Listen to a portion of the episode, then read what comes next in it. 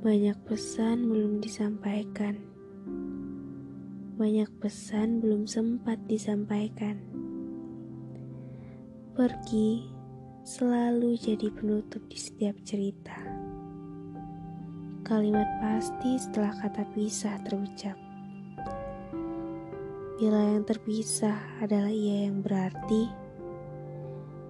tak usah dijelaskan tentang sedih karena sudah pasti terbayang seperti apa pedih. Cukup beruntung untuk yang berpisah dengan pesan, karena tak terjerat rasa penasaran ditinggal tanpa alasan.